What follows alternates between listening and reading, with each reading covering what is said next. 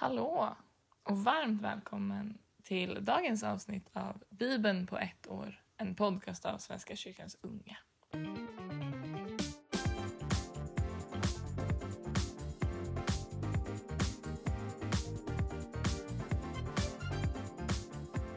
Jag heter Johanna och vi ska ge oss in i dagens bibeltexter. Vi börjar med att be lite kort. Gud, tack för den här dagen. Tack för den här veckan. Tack för att vi har fått dela bibeltexter tillsammans. Ber att du inför min sista dag som bibelläsare är med. Eh, öppna våra hjärtan, öppna våra ögon och öron. Skänk oss styrka och tröst och glädje och vila. Och var med oss. I Jesu namn. Amen. Vi börjar i Andra Kungaboken kapitel 22, vers 3. Så kommer vi läsa fram till kapitel 23, vers 30. Under sitt artonde regeringsår skickade kung Josia sin sekreterare Shafan, son till Asalja, son till Meshulam, till Herrens hus med detta uppdrag.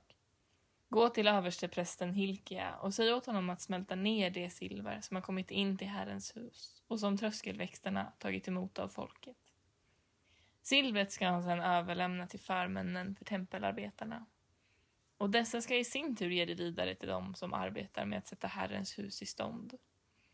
Snickarna, byggnadsarbetarna och murarna. Vidare ska silvret användas till att köpa timmer och byggnadssten för restaureringen av templet. Det behövs ingen redovisning av dem som tar emot silvret. De är betrodda. Översteprästen Hilkia sa nu till kungens sekreterare Shafan jag har funnit bokrullen med lagen i Herrens hus. Och han gav den till Shafan, som läste den. Shafan gick sedan till kungen med sin rapport. Silvret som fanns i templet har dina tjänare smält ner i formar och lämnat till förmännen för arbetet vid Herrens hus. Sedan berättade sekreteraren Shafan att prästen Hilkia hade gett honom en bokrulle och han läste den för kungen. När kungen hörde vad som stod i lagboken rev han sönder sina kläder och gav sedan följande befallning åt prästen Hilkia, åt Ashikam, Shafans son, åt Akbor, Mikajas son, åt sekreteraren Shafan och åt kungens minister Asaja. Gå och fråga Herren för min och folkets räkning, för hela Juda, om det som står skrivet i den bok som nu har påträffats. Ty Herrens vrede är stor. Den har flammat upp mot oss därför att våra fäder inte lyssnade på orden i denna bok och inte handlade så som det står skrivet i den. Då gick prästen Hilkia tillsammans med Ashikam, Akbor, Shafan och Asaja till Hulda, en kvinnlig profet, som var gift med föreståndaren för klädkammaren, Shallum, son till Tikva, son till Harchas. Hon bodde i Jerusalem, i nya staden. När de hade framfört sitt ärende svarade hon dem. Så säger Herren, Israels Gud. Säg till den man som skickade er till mig. Så säger Herren. Jag ska låta olycka drabba denna plats och dess invånare. Allt det som omtalas i den bok som kungen av Juda har läst. Därför att de övergav mig och tände offereld åt andra gudar och väckte min förbittring med allt vad de gjorde ska min vrede flamma upp åt denna plats och inte slockna. Men till kungen av Juda, som har skickat er hit för att fråga Herren, ska ni säga Så säger Herren, Israels Gud. De domsord du lyssnade till du visade dig ödmjuk och botfärdig inför Herren då du hörde de ord jag riktade mot denna plats och dess invånare. Den ska väcka fasa och användas i förbannelser. Du rev sönder dina kläder och grät inför mig. Därför har jag också lyssnat till dig, säger Herren. Jag ska låta dig förenas med dina fäder så att du i ro får läggas i din grav och du ska slippa se den olycka som jag ska låta drabba denna plats. Och de återvände till kungen med detta svar. Kungen lät kalla till sig alla de äldste i Juda och Jerusalem. Han gick upp till Herrens hus, och alla män i Juda och alla invånare i Jerusalem följde honom. Präster och profeter, ja, hela folket, unga som gamla. Och han läste upp för dem allt som stod i förbundsboken som påträffats i Herrens hus. Kungen ställde sig sedan vid pelaren och bekräftade inför Herren förbundet, enligt vilket de skulle hålla sig till Herren och följa hans bud och befallningar och stadgar med hela sitt hjärta och med hela sin själ och fullgöra bestämmelserna som fanns nedskrivna i boken. Och hela folket trädde in i förbundet. Kungen befallde översteprästen Hilkia, prästerna närmast under honom och tröskelväktarna att de skulle från Herrens tempel skaffa undan alla föremål som tillverkats för Baal och Ashera och himlens hela härskara.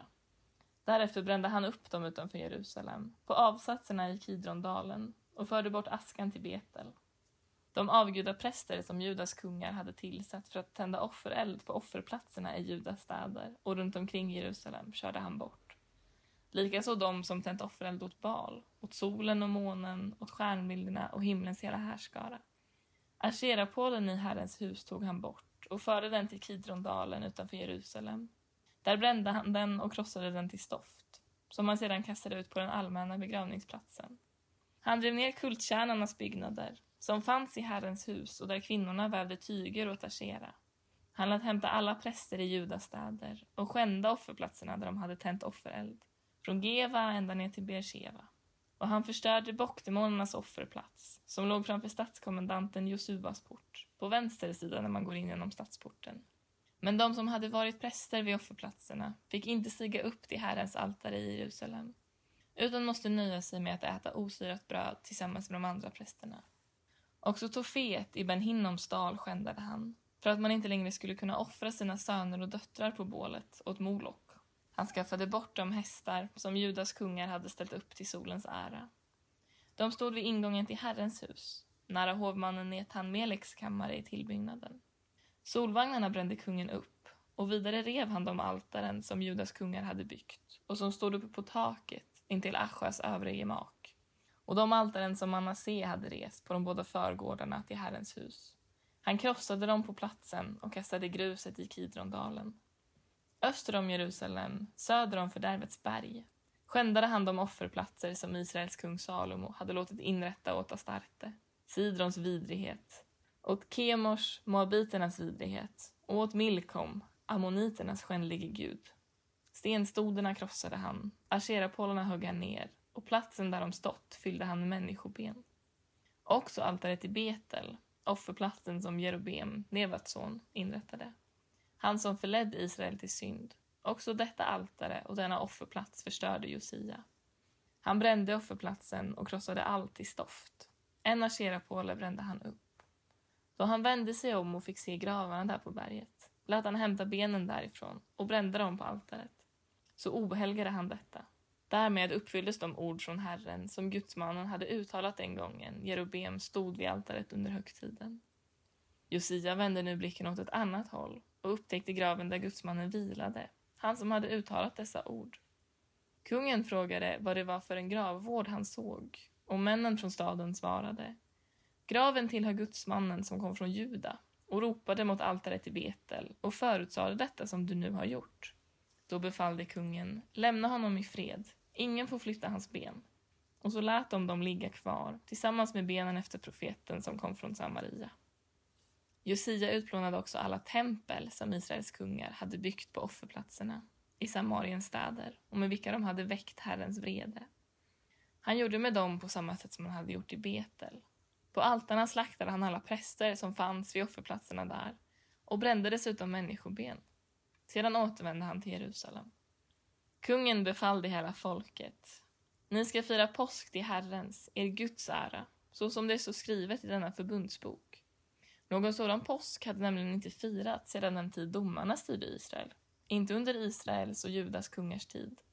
Först nu under kung Josias artonde regeringsår firades en sådan påsk till Herrens ära i Jerusalem. Josia utrotade andeskådare och spåmän, husgudar, gudabilder och alla vidrigheter som fanns i Juda och Jerusalem och följde så lagens föreskrifter i boken som prästen Hilke hade funnit i Herrens hus. Det hade aldrig före honom funnits en sådan kung som han. Ingen som så höll sig till Herren av hela sitt hjärta, med hela sin själ och med all sin kraft och helt rättade sig efter Moses lag. Och inte heller efter honom kom en kung som han. Lika väl stillade inte Herren sin stora vrede, som hade flammat upp mot Juda på grund av allt som Manasse hade gjort och som väckt hans harm. Herren sade, också Juda skall jag fördriva ur min åsyn, liksom jag har fördrivit Israel. Jag ska förkasta den stad som jag utvalde, Jerusalem, och det hus om vilket jag sa, där ska mitt namn vara. Josias historia i övrigt, hans bedrifter, har nedtecknats i krönikan om judakungar. På hans tid tågade farao Neko, kungen av Egypten, mot den assyriske kungen och trängde fram mot Eufrat. Kung Josia drog ut för att möta honom, men när de stod öga mot öga vid Megiddo blev han dödad. Hans män förde hans kropp i en vagn från Megiddo till Jerusalem och begravde honom på hans gravplats. Folket i landet smorde Josias son Joachas till kung efter honom. Med det lämnar vi kungaboken och hoppar till Apostlagärningarna. Och vi befinner oss i Apostlagärningarna kapitel 21, vers 37. Och vi kommer läsa fram till kapitel 22, vers 16. Just som man skulle föra in Paulus i fästningen frågade han kommendanten. Får jag säga dig en sak? Jaså, du kan grekiska, sa denne. Då är du inte i Egypten som för en tid sedan uppviglade de 4000 knivmännen och drog ut med dem i öknen. Paulus svarade. Jag är jude från Tarsos i Klekien, medborgare i en betydande stad. Jag ber att du låter mig tala till folket. Kommendanten gav honom sin tillåtelse och uppifrån trappan gjorde Paulus tecken åt folket att lyssna. När det blivit tyst började han tala till dem på hebreiska. Bröder och fäder, lyssna på vad jag nu har att säga er till mitt försvar. När de hörde att det var på hebreiska han talade till dem blev det ännu tystare och han fortsatte. Jag är själv jude, född i Tarsos i Kleken, men uppfostrad här i staden. Hos Gamaliel har jag fått grundlig undervisning i vår fäderne ärvda lag. Jag har kämpat för Guds sak, lika ivrigt som ni alla gör idag. Jag har varit dödsfiende till vägen och tagit fast både män och kvinnor och satt dem i fängelse. Det kan översteprästen och hela rådet intyga. Av dem fick jag med mig brev till våra bröder i Damaskus och reste dit för att också där fängsla folk och föra dem till Jerusalem, där de skulle få sitt straff. Men under färden, då jag närmade mig Damaskus, omgavs jag plötsligt mitt på dagen av ett bländande ljussken från himlen. Jag föll till marken och hörde en röst säga till mig Saul, Saul, varför förföljer du mig? Jag frågade Vem är du, Herre? Han svarade Jag är Jesus från Nasaret, den som du förföljer. De som var med mig såg ljuset, men hörde inte rösten som talade till mig. Jag frågade, vad ska jag göra, Herre? Och Herren svarade, gå genast till Damaskus. Där ska du få veta allt som du har utsetts att göra. Eftersom strålglansen hade gjort mig blind fick mina följeslagare leda mig vid handen. Och så kom jag fram till Damaskus.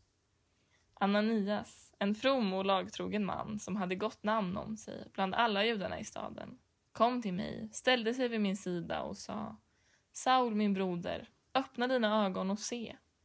Och strax kunde jag se honom. Han sa Våra fäders Gud har utvalt dig till att få kunskap om hans vilja, till att se den rättfärdige och till att höra hans röst. Du ska bli hans vittne och berätta för alla människor vad du har sett och hört. Tveka inte. Åkalla hans namn och låt dig genast döpas och tvättas ren från dina synder. Så hoppar vi till allra första Psaltarpsalmen, psalm nummer ett.